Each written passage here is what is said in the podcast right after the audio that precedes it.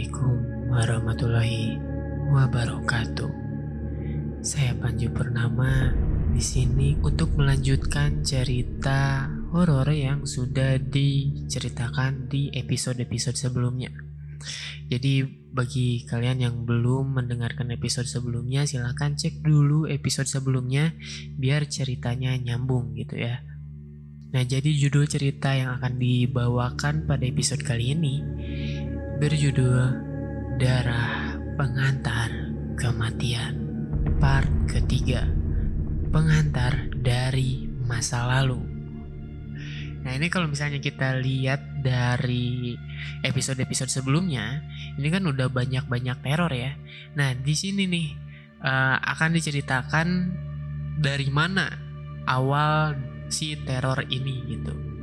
Nah di sini dari judulnya kita udah menemukan bahwa terornya ini datang dari masa lalu. Apakah itu dari masa lalunya si pemeran utamanya atau dari masa lalu suaminya mungkin pernah melakukan hal gimana gitu ya sama orang lain atau masa lalu dari ibunya si pemeran utama ini. Bagi kalian yang penasaran, silahkan dengerin episode ini sampai akhir nanti dan Panji ingetin dulu nih sebelum masuk ke ceritanya. Panji mau ngingetin kalau kalian mau berbagi cerita horor, silahkan kalian bisa bagikan cerita kalian di link yang tertera di deskripsi episode malam ini. Dan jangan lupa juga untuk follow Instagram Panji Panji Purnama 11 dan juga TikTok Panji Panji Purnama double A. Oke, kita langsung aja mungkin ya masuk ke ceritanya. Selamat mendengarkan. Pertanda semuanya akan terulang. Perlahan tiba. Kini aku menyadari semua bukan tanpa alasan. Sama halnya dengan masa lalu yang pernah terjadi. Ada yang menginginkan siksaan dan kematian itu untuk aku setelah pertanyaan siapa yang tega melakukan hal keji itu. Dan siapa yang menghantarkan mereka untuk mengajak hingga memaksa. Aku rasa sebuah jawaban akan menyelesaikan semuanya. Kenyataannya tidak sama sekali semakin rumit dan sementara itu aku tidak mau mati begitu saja di tangan mereka. Nih, kenapa? Sadar, nih? Ucap dia sambil memeluk badanku. Aku sudah menutup mataku dan kedua telingaku sangat kuat sekali. Apalagi sekarang bau amis darah kembali aku cium dengan tajam. Masuk ke dalam dua lubang hidung secara perlahan membuat rasa mual di perut semakin terasa. Apalagi penjelasan tentang sop kambing yang di episode sebelumnya masih terngiang di kepalaku. Dan tetap aku penasaran siapa yang membawanya hingga sampai ke dapur. Astagfirullah Pak Adit. Ucap Biihat sangat kaget. Bawa dulu air bersih Bi, cepat-cepat. Terus bikin air hangat ya. Ucap Kang Entis sangat panik. Sementara Sebentar ya Neng Ucap Biihat langsung melepaskan pelukannya di badanku secara perlahan. Kemudian berjalan keluar kamar dengan sangat cepat. Berbarengan dengan itu aku membuka mata. Perempuan yang aku lihat sudah tidak ada di kamar. Hanya Adit saja yang berjalan terpincang-pincang dibantu oleh Kang Entis. Dit? Ucapku kaget. Telapak kaki kirinya Adit sudah mengeluarkan darah di setiap langkahnya. Darah itu terus berseceran keluar, menetes ke lantai kamar. Sampai Adit duduk di atas kasur di sebelahku. Kenapa bisa gini, Dit? Tanyaku semakin cemas. Gak tahu. Tiba-tiba aku nginjek beling kayak uh, pecahan botol. Padahal yang jalan di depan tuh Kang Entis. Aneh emang. Ucap Adit sambil menahan rasa sakitnya.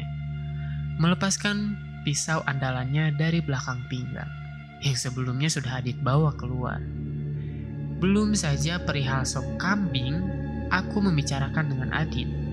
Malah sesuatu hal yang buruk terjadi malam ini. Kang Entis sama sekali tidak bicara. Beberapa kali mencabut pecahan beli. Yang pada saat itu menempel di telapak kaki Adit. Disusul oleh suara Adit menahan rasa sakitnya sekuat tenaga. Harusnya Pak Adi tadi nggak usah ikut aja. Jadinya begini deh. Ucap Kang Entis tiba-tiba. Barusan Neng Arumi juga lihat yang aneh-aneh lagi kan di kamar ini. Jawab Ihat sambil membersihkan luka dan darah yang berceceran. Adit langsung melihat ke arahku dengan tatapan herannya. Masih perih luka di wajah kamu, Rum. Ucap Adit. Hmm, udah enggak sih? Lagian kayak terlalu dalam. Jawabku, masih melihat beberapa pecahan beli yang dikeluarkan dari telapak kaki Adit. Pikiranku semakin tidak menentu antara ketakutan dengan sosok-sosok yang datang dan bercampur dengan kecemasan pada Adit. Bibi udah bilang perihal sop kambing sama Neng Arum. Ucap Kang Entis. Sudah kan? Yakin ada yang sengaja menyimpannya di dapur? Sebentar, sebentar. Eh, hah? Bentar-bentar. Uh, sop?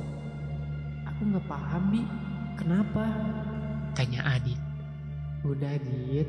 Intinya, Bi Ihat nyangkanya aku yang beli.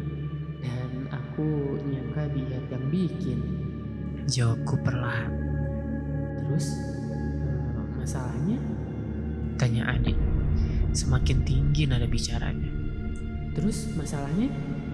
Tanya Adit. Semakin tinggi nada bicaranya. Iya, kejadian itu yang buat Neng Arum kerasukan semalam ini, Pak Dit. Bibi menyangka lewat makanan itu.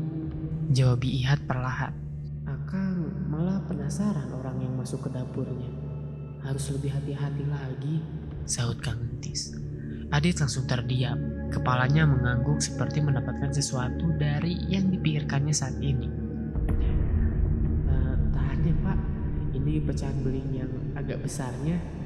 Bahkan sakit banget sih kayaknya. Ucap Kang Entis. Seketika Adit mengambil bantal, langsung digigitnya untuk menahan suaranya. Karena tidak mau membuat anaknya terbangun malam ini. Kita sama-sama tahu kan gimana dulu perkelakuan adik-adiknya Bu Arumi, Yuni, sama dia.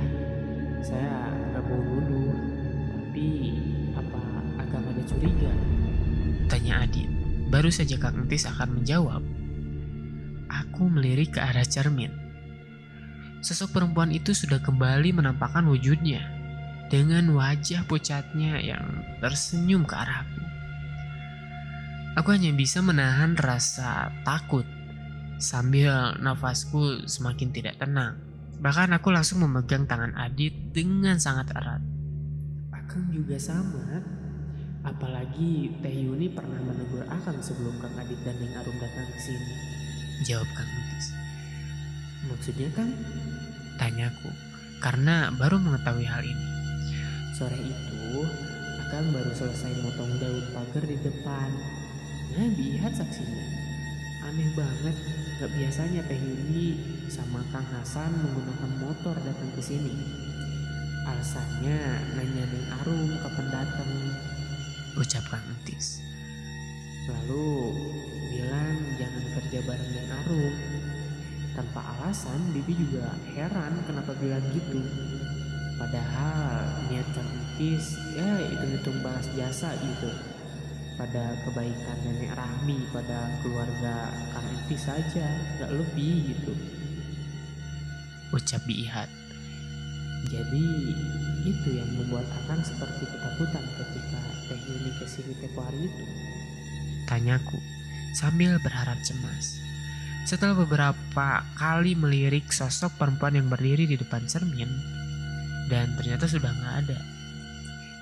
"Eh, iya nih maaf takut kenapa-napa takutnya karena Akang Neng dan Pak Adit jadi kayak gini Jawab Kang Entis. Gak usah minta maaf berpikiran seperti itu Kang Aku gak pernah percaya juga sama mereka Bisa berubah seperti kata ibu Jawabku. Rum Sahut Adit. Udahlah Dit, kamu emang tahu semua cerita aku dulu sama mereka tuh kayak gimana. Kang Tis sama Bi Ihat juga sama, tapi aku yang ngerasainnya. Jawabku sedikit keras. Adit langsung terdiam. Bihat dan Kang Tis langsung membereskan wadah karena mungkin gak enak dengan ucapanku barusan. Besok saya beli perbannya pak, malam ini tahan aja. Mudah-mudahan darahnya nggak keluar lagi. Nanti pagi juga saya carikan dedaunan juga biar cepet kering. Ucap Kang Tis. Neng, udah istirahat aja, biar bibi pel dulu bekas darah Pak Adit. Ucap Bihat. I- iya bi, maaf. Itu kayaknya banyak berceceran di ruangan tengah juga.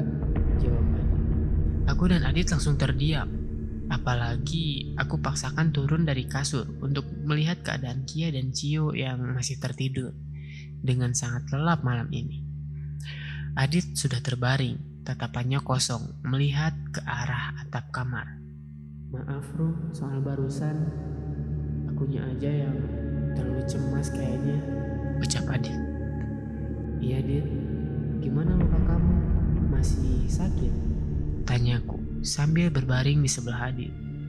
Ya masih terasa Rum. Kalau iya memang, apalagi urusan Teh Yuni dan Teh Dia. Kadang aku nggak habis pikir, Ucap Adit. aku nggak tahu Dit. Mungkin mereka belum puas aja sama aku. Atau ya tujuannya emang pengen harta ibu aja. Dulu juga seperti itu kan, yang jadi korban malah aku. Ucapku perlahan. Baru saja aku ingin melupakan semua kejadian malam ini perlahan dengan memejamkan mataku karena terlihat juga Adit sambil menahan rasa sakit di kakinya sudah memejamkan mata. Tiba-tiba Adit langsung melihat ke arahku. Begitu juga aku, Dit, ucapku. jendela. Jawab Adit, langsung memaksakan terbangun dari tidurnya. Berjalan terpincang-pincang dengan cepat ke arah jendela satu-satunya yang ada di kamar ini. Perlahan gorden dibuka oleh Adit. Aku langsung kaget. Bahkan Adit tidak menyadari wajah perempuan yang sebelumnya sudah sering aku lihat sudah tepat berada di depan wajah Adit. Hanya dibatasi oleh kaca jendela kamar.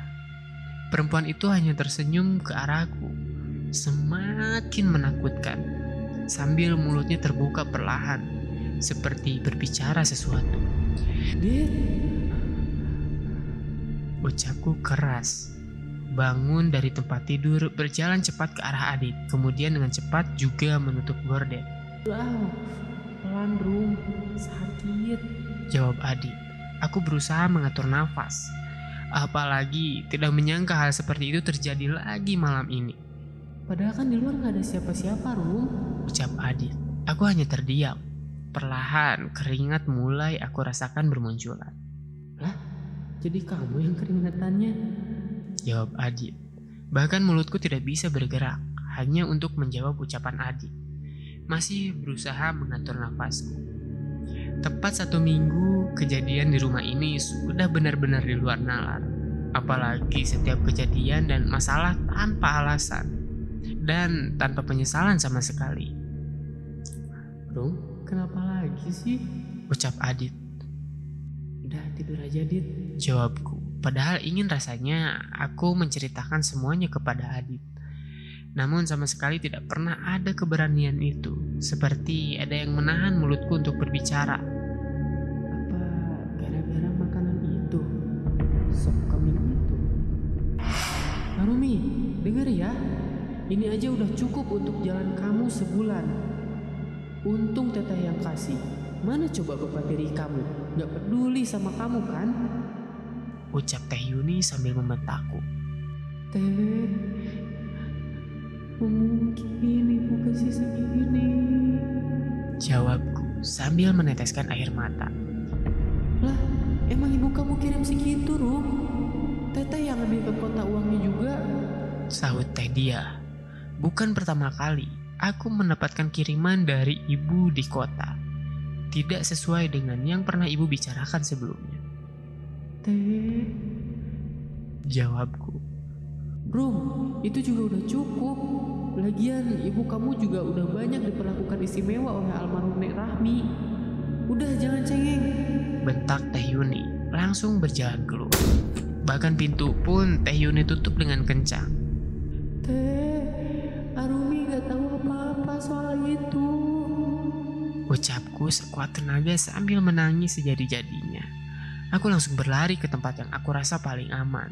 Setelah mengunci pintu kamar, aku hanya menangis di depan cermin sambil menahan rasa lapar. Karena sudah hampir dua hari nggak ada makanan yang masuk ke dalam perut.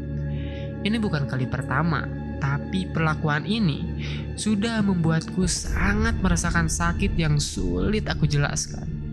Bu, telepon. Ketik aku mengirim pesan kepada ibu dengan sangat cepat dan kesal. Tidak lama panggilan telepon masuk dari ibu. Bahkan handphonenya yang aku gunakan lebih jelek daripada yang digunakan Tita, anaknya Teh Yuni. Itu aku ketahui setelah Tita berbicara langsung.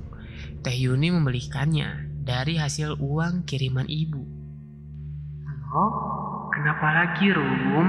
Ucap ibu di telepon. Bu, apa nggak bisa Pak Rizky yang antar bekal untuk Arum di sini? Teh Yuni dan Teh Dia nggak pernah sesuai memberikan kepada Arumi. Jawabku, berusaha menahan air mata yang terus mengalir ke pipi. Loh, bukannya itu bagus? Jadi Teh Yuni yang bisa atur kebutuhan kamu, Arumi? Ucap ibu. Kebutuhan apa sih, Bu? Ini bukan yang pertama, Bu. Arumi nggak punya siapa-siapa di sini. Jawabku. Beberapa kali ibu bilang, jadikan Teh Yuni dan Teh Dia itu seperti orang tua kamu. Lagian kamu juga didengar-dengar boros kata Teh Yuni. Sudah benar Teh Yuni yang pegang. Ucap ibu. Uang yang Teh Yuni kasih hanya cukup satu minggu. Sisanya kelaparan. Kadang Bihat dan Kakak Tis yang antar makanan untuk Arum. Jawabku sambil menangis. Sudahlah Rum, ibu udah tahu semuanya. Ucap ibu langsung menutup teleponnya. Aku langsung terdiam bahkan saking kesalnya karena aku nggak tahu harus mengadu sama siapa lagi.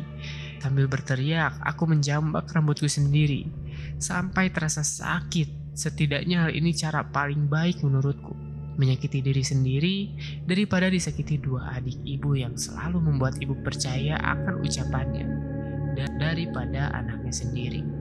Bahkan bertahun-tahun, semua keadaan tidak pernah berubah. Teh Yuni dan Teh Dia dan anaknya masing-masing aku lihat semakin enak hidupnya. Menikmati setiap kiriman dari ibu.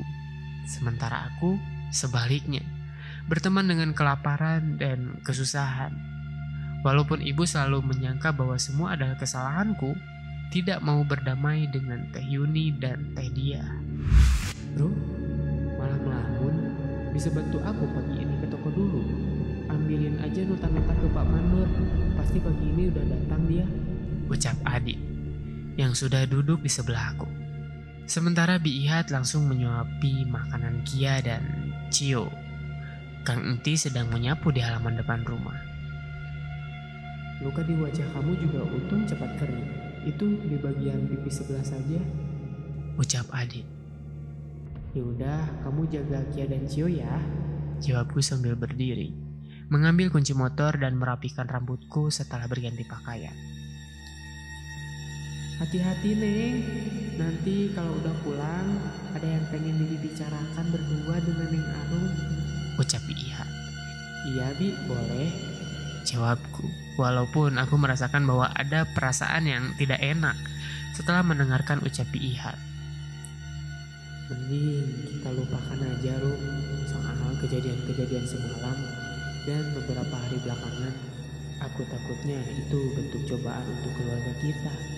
Berprasangka buruk juga nggak baik. Ucap Adit, menemani aku memanaskan motor. Dit, bukan urusannya itu. Gangguannya aku rasakan. Emang enak diajak mati sama sosok seperti itu? Apa kamu gak cemas? Aku ini istri kamu loh. Ibu dari dua anak kamu. Ucapku menaiki motor. Terlihat Kang Entis yang akan berjalan ke arahku berhenti begitu saja. Apalagi mungkin melihat raut wajahku dan Adit sudah tegang sepagi ini. Kang, Ucapku tepat berhenti di depan Kang Entis. ya Neng, Jawab Kang Entis. aku masih penasaran soal sop kambing itu. Gak mungkin juga di kampung sekecil ini gak ketahuan orangnya. Ucapku. Niat Akang hari ini mau nyari tahu, Neng. Apalagi sampai sebegitunya Bihat juga udah cerita semua keanehan selama kedatangan Neng Arum ke rumah ini. Jawab Kang Entis sambil memegang sapu ijuk di tangannya. Iya Kang, aku juga cukup cemas sekali akhir-akhir ini. Apalagi setelah makan sop kambing itu. Jawabku. Kang Entis hanya menganggukkan kepala saja. Apalagi dari depan rumah juga Adit masih memperhatikanku sedang berbicara dengan Kang Entis. Untuk pertama kalinya, setelah satu minggu berada di rumah dan bertahun-tahun meninggalkan kampung ini, aku kembali menyusuri jalanan kampung. Apalagi rumah terletak di paling ujung kampung. Untuk sepagi ini beberapa orang yang berpapasan denganku langsung melempar senyum. Karena pasti mengingat siapa aku di kampung ini. Anak Dahlia dan anak satu-satunya dari juragan tanah, Nek Rahmi, yang sukses di kota dengan suami barunya setelah bercerai dengan bapak kandungku. Tidak terlalu lama setelah beberapa kali berpapasan dan melemparkan senyum kepada warga kampung yang mulai beraktivitas ke sawah maupun ke kebun, 20 menit lamanya waktu aku habiskan untuk keluar dari kampung. Dua ban motor yang aku gunakan sudah menginjak satu-satunya jalan menuju kecamatan. Sekarang. Tiba-tiba bisikan itu masuk ke dalam telingaku. Sangat perih sekali. Beruntungnya aku cukup biasa mengendarai motor, membuatku tidak begitu kaget ketika melepaskan satu tangan untuk menutupi telingaku. Aneh. Ucapku dalam hati. Salahnya aku malah mengingat semua kejadian sambil mengendarai motor. Membuat klakson beberapa kali di belakang motor dan pengendara lain aku dengar.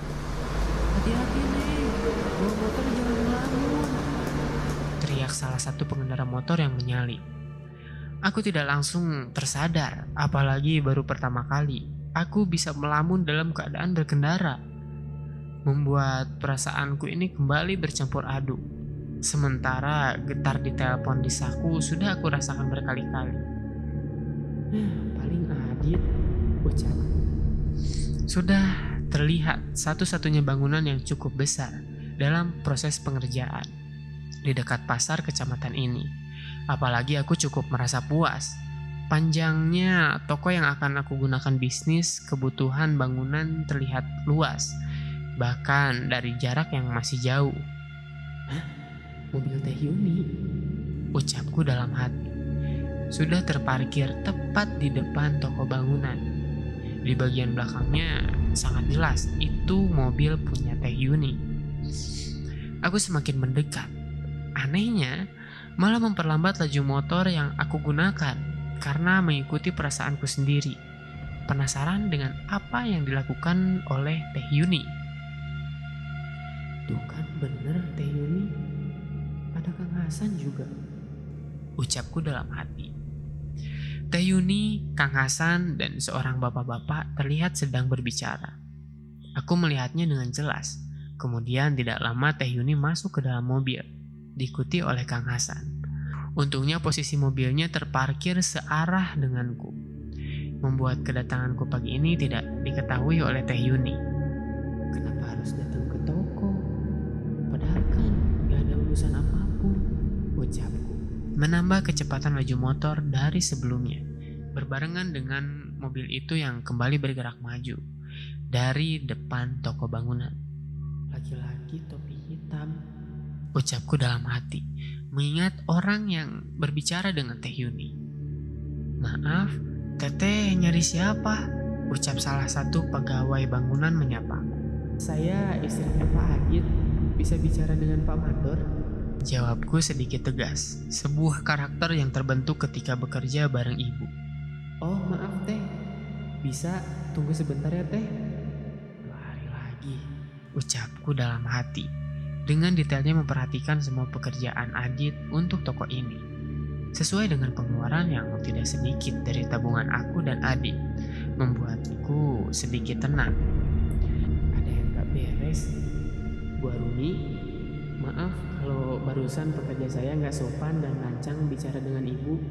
Perkenalkan, saya mandor di sini bu, Pak Jaja. Ucap seorang laki-laki berumuran bapak kandungku, yang langsung memperkenalkan namanya. Nota, Pak Adit hanya menyuruh saya ngambil itu aja Pak Jaja. Maaf kalau mengganggu waktu kerjanya. Sepagi ini juga pula saya datang ke toko. Ucapku semakin curiga bahwa Pak Jaja menyembunyikan sesuatu dariku. Bahkan aku tidak langsung menanyakannya. Soal Teh Yuni dan Kang Hasan barusan. Ini bu, sudah saya siapkan juga semuanya. Barusan juga saya udah telepon Pak Adit karena tiba-tiba orang yang saya cemaskan dan takutnya mengganggu pembangunan yang hampir bisa dipastikan dua hari selesai dan masuk tahap akhir malah jadi terhambat. Jawab Pak Jaja memberikan kertas cukup banyak. Sudah berada dalam satu bungkus plastik hitam rapi. Maksudnya Pak, saya nggak paham. Jawabku berpura-pura, padahal aku sangat malu pada diriku sendiri. Ternyata benar, apa yang pernah Pak Jaja ini cemaskan kepada Adit terbukti dengan kejujurannya pagi ini.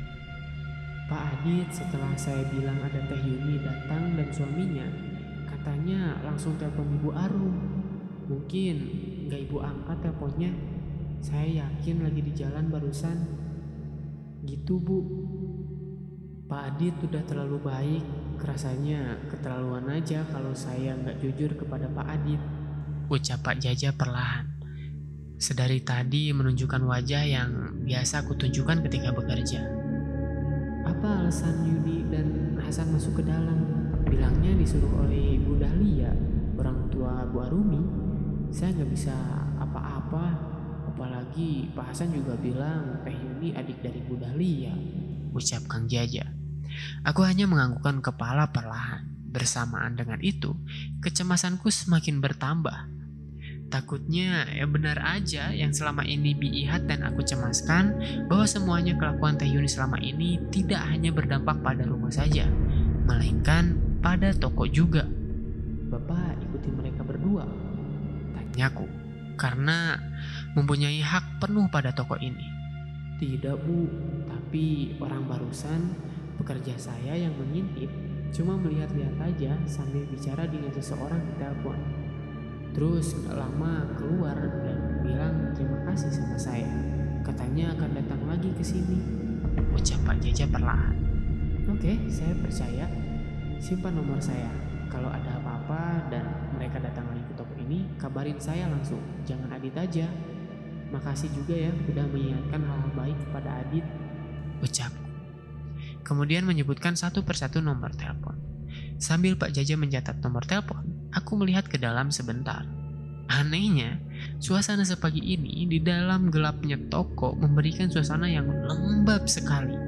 Bahkan terasa sulit untuk sekedar bernafas. Ventilasi udaranya aja itu belum normal, Bu. Ucap Pak Jaja, membuatku sedikit tenang, mengesampingkan aneh dari perasaanku sendiri. Tidak lama setelah dibantu menyimpan plastik berisikan nota di depan motor oleh Pak Jaja, aku begitu saja meninggalkan toko. Namun, lagi-lagi, getar teleponku di saku kembali terasa. Dan aku yakin, Adit yang kembali memberikan kabar kepadaku. Sepanjang jalan pulang di bawah sinar mentari pagi yang mulai meninggi, aku terus saja bersama kecemasan. Bahkan aku kira kejadian di rumah akan cepat selesai dan tidak terulang. Kini pikiranku kembali pada toko. Walaupun Pak Jaja, sang mandor bilang ventilasi udara yang belum normal, namun aku merasakan hal yang lain.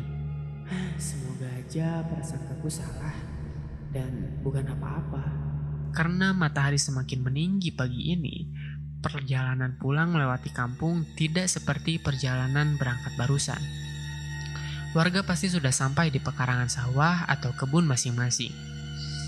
Anehnya, dari kejauhan mobil kolbak yang dari dulu aku ketahui sering me- sering mengangkut padi di sawah atau ya kayu-kayu yang akan dijual ke tengkulak sudah berhenti di samping jalan.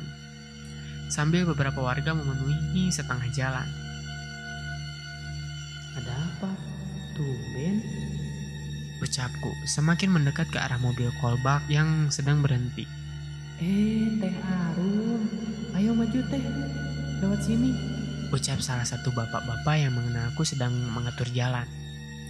Agar motor yang aku kendarai bisa lewat. Ada apa Kang? Tumben? Itu si Kosim Neng. Tiba-tiba lari ke jalan pas mobil kolbak lewat. Ya udah, pasti ketabrak. Saksinya di sawah bawah sana. Melihat jelas kayaknya si Kosim sengaja menabrakkan dirinya. Aneh saya juga. Kok bisa ya Kang? Tanyaku aneh semakin penasaran. Nggak tahu Teh Arum. Akang barusan pas mau lewat udah rame aja. Karena di belakangku ada motor yang akan melewat lagi. Apalagi jalanan tidak terlalu lebar, membuatku harus segera melaju kembali. Beberapa warga mengangkat badan si Kosim naik ke dalam mobil kolbak dengan luka yang cukup parah. Masih bercucuran darah. Cepat-cepat bawa, udah kritis ini. Kepalanya berdarah. Sebelum aku melaju kembali, aku sempat melihat bagian wajah si Kosim dengan rambut gondrongnya. Bahkan darah di bagian kepalanya sudah mengalir rambutnya, saking banyaknya. Astagfirullah, segitunya. Ucapku. Setelah berterima kasih kepada bapak-bapak yang tidak aku kenal, Kalau bapak masih menemui aku, mungkin usianya akan sama dengan orang barusan. ucapku. Tiba-tiba kepikiran soal bapak kandungku, Pak Ganda, yang selalu ibu salahkan karena gak bisa menafkahi perekonomian keluarga. Dan saat itu pikiran serta umurku masih belum bisa mempengaruhi keputusan fatal ibu dan bapak. Sehingga jalan satu-satunya yang mereka anggap terbaik adalah berpisah.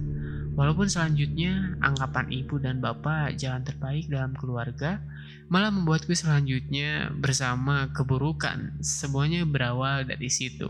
Sudah Rumi, waktu nggak bisa berulang, ucapku. Kembali menguatkan diriku. Seperti hari di mana semuanya berawal dari masa lalu. Dan sekarang kecemasan masa lalu itu kembali aku rasakan. Halaman rumah sudah kembali aku lihat. Anehnya, pintu depan sama sekali tidak terbuka. Apalagi kejadian si Kosim barusan cukup membuatku masih ingat. Ditambah beberapa kali kejadian di rumah selalu berkaitan dengan darah. Tumben, pada ke mana? Ucapku sambil membuka pintu depan rumah. Setelah memarkirkan motor di tempat biasanya. Dit, Ucapku sedikit keras. Arum, sini, pada di belakang nih. Jawab suara Adit dari arah dapur. Adit terlihat sedang diobati kakinya oleh seseorang yang tidak aku kenal. Sementara Kia dan Cio malah asik-asiknya bermain dengan kambing-kambing yang sedang memakan rumput di halaman belakang. Masing-masing dipangku oleh Bihat dan Kang Entis. Pelan, Bah. Pelan-pelan. Sakit banget. Ucap Adit. Neng, Ucap seorang laki-laki yang tua sekali sedang menaruh dedaunan yang sudah hancur di telapak kaki Adit. Ini biar meresap dulu ya, Pak. Nanti khasiat dari dedaunan ini bisa membuat lukanya cepat kering. Aneh, pecahan belingnya seperti disengaja ada orang yang menyimpannya. Kenapa emangnya, Bah? Sahutku. Duduk di sebelah Adit sambil memegang plastik berisikan nota. Kalau beling tua bisa tidak lebih parah lukanya. Ini pecahan beling baru beda nih. Bahaya, apa bisa secepatnya kering? Tanya Adi sambil menyebut nama laki-laki tua itu. Bayaya langsung menjelaskan kenapa lukanya akan sulit kering. Apalagi kulit telapak kaki salah satu yang ikut terus bergerak. Bahkan Bayaya berjanji jika sore akan kembali lagi membawa dedaunan dari hutan belakang sana. Tepat biasanya Bayaya mengembala kambingnya. Bahkan baru aku ketahui ada jalan yang menghubungkan kampungku ini dengan kampungnya Bayaya. Ya, saking lamanya meninggalkan rumah ini. Ternyata memang sebuah jalan yang biasa digunakan Bayaya mengembala dan orang-orang untuk masuk ke dalam hutan.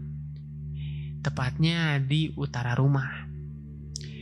Kia langsung merengek minta aku pangku, berpindah dari pangkuan Kang Tis karena sudah cukup puas bermain dengan kambing-kambing milik Bayaya. Tis, ini cucunya almarhum Rahmi.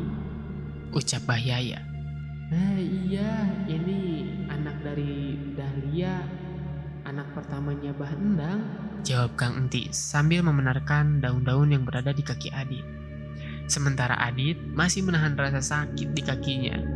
Hasiat dedaunan itu ternyata langsung beraksi dengan cepat. Bayaya langsung memperhatikan ke arahku. Anehnya, tatapannya sangat tajam, membuat Biihat dan Kang Entis merasa tidak nyaman dengan tatapan Bayaya ke arahku. Mirip dengan Dahlia dan Rahmi. Maaf ya Neng, soalnya Abah baru mengembala ke belakang rumah ini lagi. Biasanya kosong rumah ini, padahal baru satu minggu ke belakang. Tiap sore Abah duduk di bawah pohon sana. Ucap Bahyaya sambil menunjuk salah satu pohon rambutan. Memang terlihat rindang, membuatku sedikit tenang dengan ucapan Bahyaya.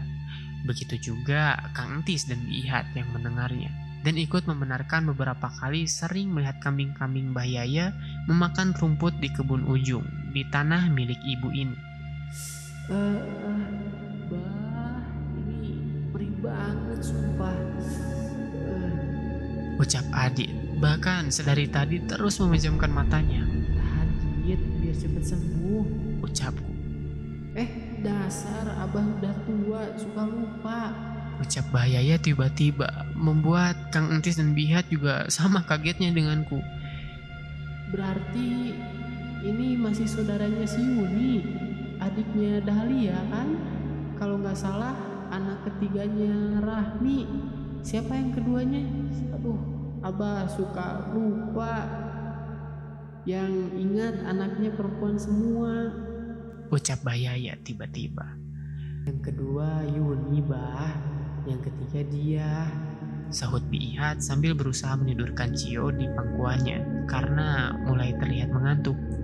Iya, iya benar. Dia Yuni. Dua nama yang beberapa hari ke belakang. Ingat-ingat, emang kalian gak kebagian daging kambingnya? Tapi tumben sih milih yang kurus si Kosim hanya karena warnanya hitam pekat aja. Dasar manusia. Ucap Bahyaya sambil tersenyum, seperti mengingatkan sesuatu. Aku langsung kaget ketika mendengar dua nama adiknya ibu disebut bersamaan dengan Kosim. Lah, emangnya kapan beli kambing, Bah? Sahut Kang Entis. Bahkan Adit langsung membuka matanya. Lah iya, dua kali lipat harganya. Nenek-nenek tua di rumah langsung girang. Apalagi kambing hitam itu nggak terlalu gemuk. Kata si Kosim yang beli disuruh Yuni sama dia. Ya udah, gimana lagi abah lepas aja. Ucap Bahyaya. Aku, Adit, Kang Entis, dan Bihat langsung kaget ketika Bahyaya berhenti bicara. Abah tanya belum dijawab. Itu kan saudara Neng ini berarti. Masa iya tidak kebagian dagingnya? Biasanya buat dibikin sop atau diolah lagi. Kirain acaranya di sini. Ucap Bahyaya. Kosim warga kampung sini kan kan yang rambutnya panjang itu yang gondrong. Ucapku. Benar Neng, itu. Jawab Kang Entis. Neng Arum masih ingat pemuda itu? Sahut Biihat. Nah benar, itu Neng. Ini tahu juga. Ah, kenapa kalian jadi kaget seperti ini barusan? Ucap Bahyaya. Adi terlihat menatap ke arahku dengan cemas dan penasaran sekali. Barusan aku pulang dari toko, melihat kecelakaan di jalan. Kosim nabrakin dirinya ke mobil kolbak sampai darahnya tuh bercucuran penuh di kepalanya. Iya, Kosim yang berambut gondrong itu kan. Kata orang di sana sih bilangnya kritis, apalagi yang berdarah di bagian kepalanya. Ucapku perlahan, sambil mengingat kejadian yang belum lama terjadi. Berarti benar, sop kambing itu dimasukkan ke dapur oleh Kosim atau orang suruhan Yuni atau dia. Ucap Adit perlahan. Ucap Adit membuat wajah tua Bahyaya dengan kulit yang sudah tidak kencang lagi itu sangat terlihat kaget. Apalagi tepat di mana Bahyaya duduk melihat ke dalam dapur. Hah? Jangan bilang. Ucap Bahyaya. Aneh bah, semuanya berubah ketika sudah dimakan Ning Arumi daging sop itu. Seperti salah satu syarat kiriman dalam hal tidak baik. Sahut Biihat tiba-tiba. Wajah Bahyaya terlihat sangat merah begitu saja. Tatapannya seperti memikirkan sesuatu. Setelah ucapan yang keluar dari mulut Biihat berhenti. Membuat obrolan yang awalnya ringan berubah seketika tegang. Apalagi sesuatu yang ingin aku, Adit, Kang Entis, dan Biihat ketahui begitu saja hadir melalui Bahyaya. Bahkan cahaya matahari yang semakin meninggi tidak memberikan kehangatan melainkan kecemasan yang aku rasakan saat ini. Tiba-tiba terdengar seperti benda berukuran besar dan berat berjatuhan di dalam rumah, membuat semua orang kaget. Bahaya langsung berdiri, berjalan dengan perlahan, bukan ke arah rumah, melainkan ke arah kambing-kambing yang sedang asyiknya memakan rumput. Bah, pembicaraan kita belum selesai. Ucapku, memberikan Kia ke Kang Entis, karena aku rasa Bahaya mengetahui hal lainnya juga. Bahaya tidak menjawab, terus berjalan bahkan kepalanya hanya melihat ke arahku sesekali. Bah, Ucapku, saya tidak ikut campur urusan kalian. Kosim hanya membeli saja, disuruh Yuni dan dia. Saya nggak mau ikut campur. Bentak Bahaya sangat keras ke arahku dengan wajah yang sangat merah. Membuatku sangat kaget dan langsung terdiam. Kemudian tali-tali yang mengikat di masing-masing kambingnya ditarik paksa oleh Bayaya. Dengan perlahan keluar dari halaman kebun. Kepalanya hanya menunduk. Aku berbalik badan. Kang Tis dan Adit sudah masuk duluan ke dalam rumah. Sementara Biihat masih menunggu aku kembali. Neng, itu yang pengen Bibi bicarakan tadi pagi. Taunya tiba-tiba keluar dari mulut Bayaya. Tapi cukup masuk akal di kampung ini gak ada yang mempunyai kambing sebanyak Bayaya. Ucap Biihat sambil duduk.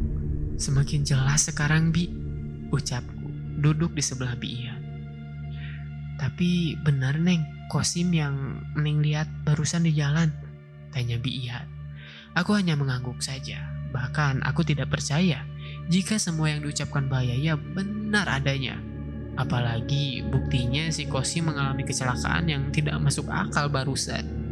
Sebenarnya ini yang aku ketahui Bi, tapi malah aku merasakan kecemasan. Ucapku perlahan. Aku baru tersadar Biihat sudah tidak ada di sebelahku. Neng, barusan akan panggil-panggil. Bihat bilang, Neng Arumi malah ngelamun. Ayo masuk. Neng Kia nangis kejar-kejar di dalam. Terus di dalam juga nggak ada benda yang jatuh, cuman pintu aja yang kebuka. Ucap Kang Entis. Barulah aku sadar. Setelah tangisan Kia aku dengar. Berbarengan dengan itu, bulu pundakku berdiri begitu saja tanpa sebab dan alasan. Apalagi kecemasan-kecemasan selama ini perlahan membawa bukti nyata berdatangan begitu saja. Kia sudah berada di pangkuan Biihat sambil duduk bersebelahan dengan Cio yang menyandar di paha Biihat. Sambil mulutnya meminum susu dari botol yang biasa digunakannya.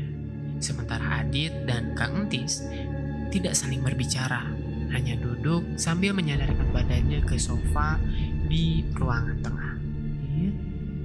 Ucapku tiba-tiba. ini yang aku cemaskan, bro. Jawab Adit. Akang gak nyangka tujuannya untuk itu apalagi ah apa nggak cukup ya Akang sakit selama bertahun-tahun Neng Arumi diperlakukan seperti itu Akang nggak bisa diam Harus menemui si Kosim Membenarkan semua ucapan Bayaya barusan Akang izin pamit Ucap Kang Entis sambil berdiri dan langsung berjalan keluar rumah. Dengan tatapan yang baru pertama kali aku lihat. Sulit dan nggak bisa ditahan kalau Kang Entis sudah kayak gitu Sahut Biihat. Bi, Ucapku. rasa hormatnya kepada orang tua Ibu Dahlia berjanji akan menjaga Neng Arumi jika diberi kesempatan kedua. Dan mungkin itu caranya. Udah biarin aja. Jawab Biihat. Adit hanya terdiam. Nafasnya semakin tidak tenang. Dit, tolong jangan jangan ngelakuin hal seperti dulu. Semua akan semakin keruh, ucapku perlahan. Aku hanya nggak ingin kamu kenapa-napa, Rumi. Aku suami kamu. Menjaga dan memastikan kamu baik-baik aja itu tugas aku. Ucap Adit. Tunggu Kang Tis pulang dulu. Setelah itu terserah. Asal ingat kita punya dua anak. Jawabku. Sekedar hanya bisa mengucapkan hal itu dengan terpaksa tanpa bisa melarang Adit. Aku dan Adit sepanjang hari hanya mengurus soal pekerjaan sambil mengurus juga Kia dan Cio. Walaupun hari cepat berganti dari siang menuju sore, bahkan Bayaya yang sudah berjanjikan kembali membawakan dedaunan untuk Adit tidak kunjung datang. Aku yakin Bayaya pasti mengetahui sesuatu. Ucapku dalam hati. Saat ini kecemasan dan segala yang aku pikirkan semakin bercampur. Bahkan baru pertama aku mengalami hal seperti ini dalam hidupku. Apalagi Kang Entis, sampai hari berganti dengan malam, sama sekali belum kembali ke rumah. Bihat sudah beberapa kali melihat keluar rumah untuk memastikan kedatangan Kang Entis. Sementara Adit berubah drastis, semakin tidak bisa aku ajak bicara. Wajahnya berharap cemas, walaupun aku nggak tahu selanjutnya apa yang akan Adit lakukan. Ucapku meneteskan air mata. Rum, udah keterlaluan adiknya ibu kamu itu. Aku cuman pengen bicara aja apa maksud mereka, nggak lebih. Udah jangan nangis ya. Ucap Adit. Aku kembali terdiam duduk di sofa bersebelahan dengan Adit. Apalagi setelah azan Isya berkumandang, Kia dan Cio sudah tertidur dibawa oleh Bihat ke dalam kamar. Sementara pintu masih terbuka. Angin malam perlahan tiba sebagaimana mestinya masuk ke dalam rumah. Yuk Dit, kita tunggu di kamar aja. Ucapku. Neng, istirahat aja, biar Bibi yang nunggu di sini. Kasihan kondisi kaki Pak Adit juga. Sahut Bihat tiba-tiba. Adit langsung berdiri sekuat tenaga dari duduknya sambil melihat keluar. Terlihat Kang Entis berjalan semakin mendekat ke arah rumah. Jalannya perlahan. Kang Entis, ucapku. Alhamdulillah. Sahut Bihat. Anehnya, baju yang digunakan Kang Entis di beberapa bagian terlihat seperti kena kotoran tanah merah. Kang, ucap Adit. Sambil kembali terdiam. Bihat dengan cepat membawa minum ke arah meja makan. Kang Tis langsung duduk di lantai ruangan tengah rumah. Wajahnya penuh dengan keringat. Raut wajahnya seperti orang yang sangat lelah dan kebingungan. Di atas saja Kang duduknya, ucapku. Gak apa-apa Neng, kotor. Jawab Kang Entis sambil menerima gelas berisikan air minum yang Bihat berikan kepada Kang Entis. Aku dan Adit hanya berharap cemas dengan kabar yang akan segera Kang Entis ucapkan. Kabar buruk Neng. Ucap Kang Entis setelah menghabiskan semua air minum melewati tenggorokan. Terus Kang, Tanya Adit. Kosim meninggal dunia. Barusan sore nggak terselamatkan. Darah yang keluar di kepalanya juga makin banyak. Akang baru aja ikut mengantarkannya. Ucap Kang Entis. Dikatakan sama Mbah Yaya? Ucap Bihat. Kang Entis hanya menganggukkan kepala saja berkali-kali. Membuatku semakin cemas. Apalagi semuanya berkaitan dengan aku. Kakeknya bilang Kosim nggak salah, yang nyuruhnya yang salah. Tapi Akang nggak bisa bilang apa pun. Akang juga dari tadi lama karena ya Akang juga udah berkunjung dulu ke kampung sebelah ke rumah Mbah Yaya. Mbah Yaya nggak bisa diajak bicara, bahkan Akang diusir. Ucap Kang Entis perlahan, menunjukkan kebingungan yang teramat dalam. Angin yang sedari tadi berhembus tiba-tiba menjadi bau amis yang aku cium sekarang. Apa akan datang lagi? Ucapku. Dan sambil sudah beberapa kali aku melihat keluar rumah dengan sangat cemas. Baru saja mulut Adit terbuka, tiba-tiba dalam mulutku kembali terasa mual. Aku langsung kaget melihat wajah perempuan pucat itu sudah berada tepat di depan wajahku dengan sangat jelas. Persis kejadian Adit di kamar yang terhalang oleh kaca. Sementara aku sekarang tidak terhalang apa pun. Cepat sekarang. Tangannya langsung mencekik leherku dengan cepat. Anehnya Adit, Kang Tis, dan Bihat tidak melihat perempuan yang jelas aku lihat. Sakit, sakit ampun. Teriakku sekuat mungkin, menahan tangan yang terasa dingin. Semakin erat, semakin mencekik leherku. Arum, arum. Ucap Adit menahan tanganku. Neng, neng. Terdengar suara panik Bihat dan Kang Entis yang berbarengan. Ayo sekarang. Aku sudah tidak bisa bernafas lagi. Mataku semakin melemah. Apalagi dalam bayang-bayang penglihatanku, sudah banyak sekali pocong-pocong di depanku. Di belakang Kang Entis dan Bihat berdiri. Dengan wajah yang penuh darah dan kain putih yang kotor. Yang aku rasakan seperti binatang bertanduk sedang berada di perutku, bergerak perlahan seperti ular. Tangis Bihat masih aku dengar dengan semakin jelas. Berbarengan dengan itu, tatapanku semakin gelap dan cekikan dari tangan perempuan yang dingin itu semakin erat. Mati. Sop kambing yang masuk ke dalam tubuh Arumi adalah awal terikatnya seluruh sihir yang dikirimnya.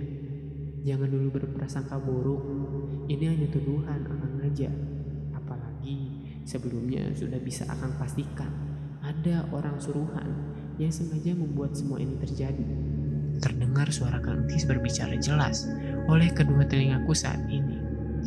Namun rasanya nafasku terasa sesak.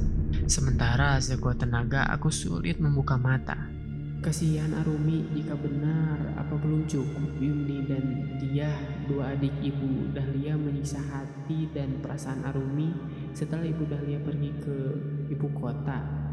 Sekarang seperti ini sudah semakin sulit. Bah, bantu aku Bayaya.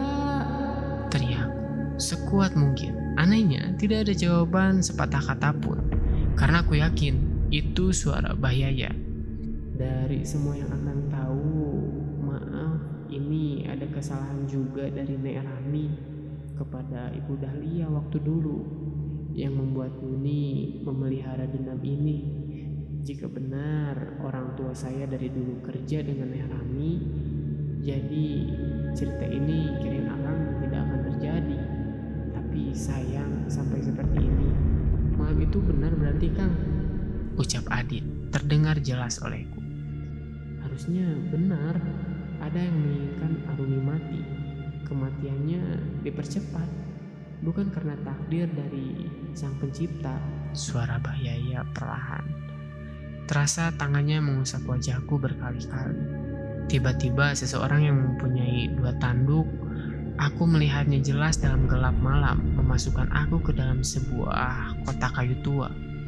Diam di sini. Suaranya sangat berat, penuh dengan dahak. Teh Yuni, Teh Dia, tolong. Teriakku dengan kencang melihat dua wajah adik ibu dengan sangat jelas. Dan cerita pun akhirnya bersambung. Aduh, setelah perlahan gitu ya, sebuah misteri dari misteri ke misteri itu sudah mulai terpecahkan gitu ya. Misteri-misteri ini mulai terpecahkan dari Bahyaya gitu. yang dirasa Arumi Aulia akan keluar dari masalah yang membawanya kepada sesuatu yang gak jelas. Malah ya, makin memperkeruh apalagi sesuatu udah masuk ke dalam perut seorang Arumi. Apa cerita ini tuh ada kaitannya ya sama yang barusan yang sebelumnya uh, dibilang ya ada kaitannya dengan masa lalu Ibu Dahlia di dalam keluarga besarnya gitu. Terus kenapa Arumi yang harus dapetin darah pengantar kematian itu? Dan ya Bayaya juga kayaknya bakalan jadi tour guide-nya nih di cerita ini gitu ya. Di part selanjutnya kayaknya Bayaya ini akan jadi superhero-nya gitu. Jadi yang nolong Arumi untuk keluar dari jeratan mistis ini gitu. Aduh, udah gak sabar ya untuk cerita selanjutnya. Dan part selanjutnya itu berarti part 4 bakal dibacain lagi di minggu depan. So, buat kalian makanya follow dulu podcast gangguan malam dan nyalakan lonceng notifikasinya. Biar kalau misalnya podcast gangguan malam rilis podcast baru kalian bisa dapat notifikasinya gitu ya. Dan oke okay, cuman segitu ternyata uh, cerita kita di malam hari ini.